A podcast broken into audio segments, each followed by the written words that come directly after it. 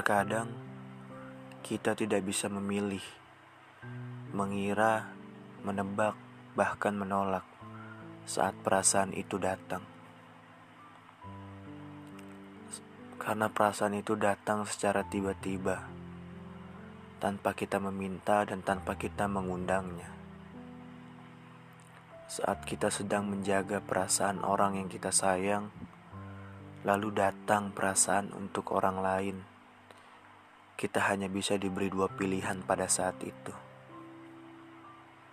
meninggalkan atau melanjutkan dengan orang yang kita sayang. Jika kita memilih untuk meninggalkan orang yang kita sayang, maka bersiaplah, kita akan kehilangan segalanya.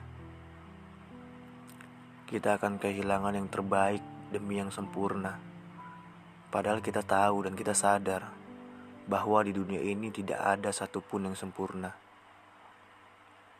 Kita akan kehilangan yang terbaik demi yang menarik.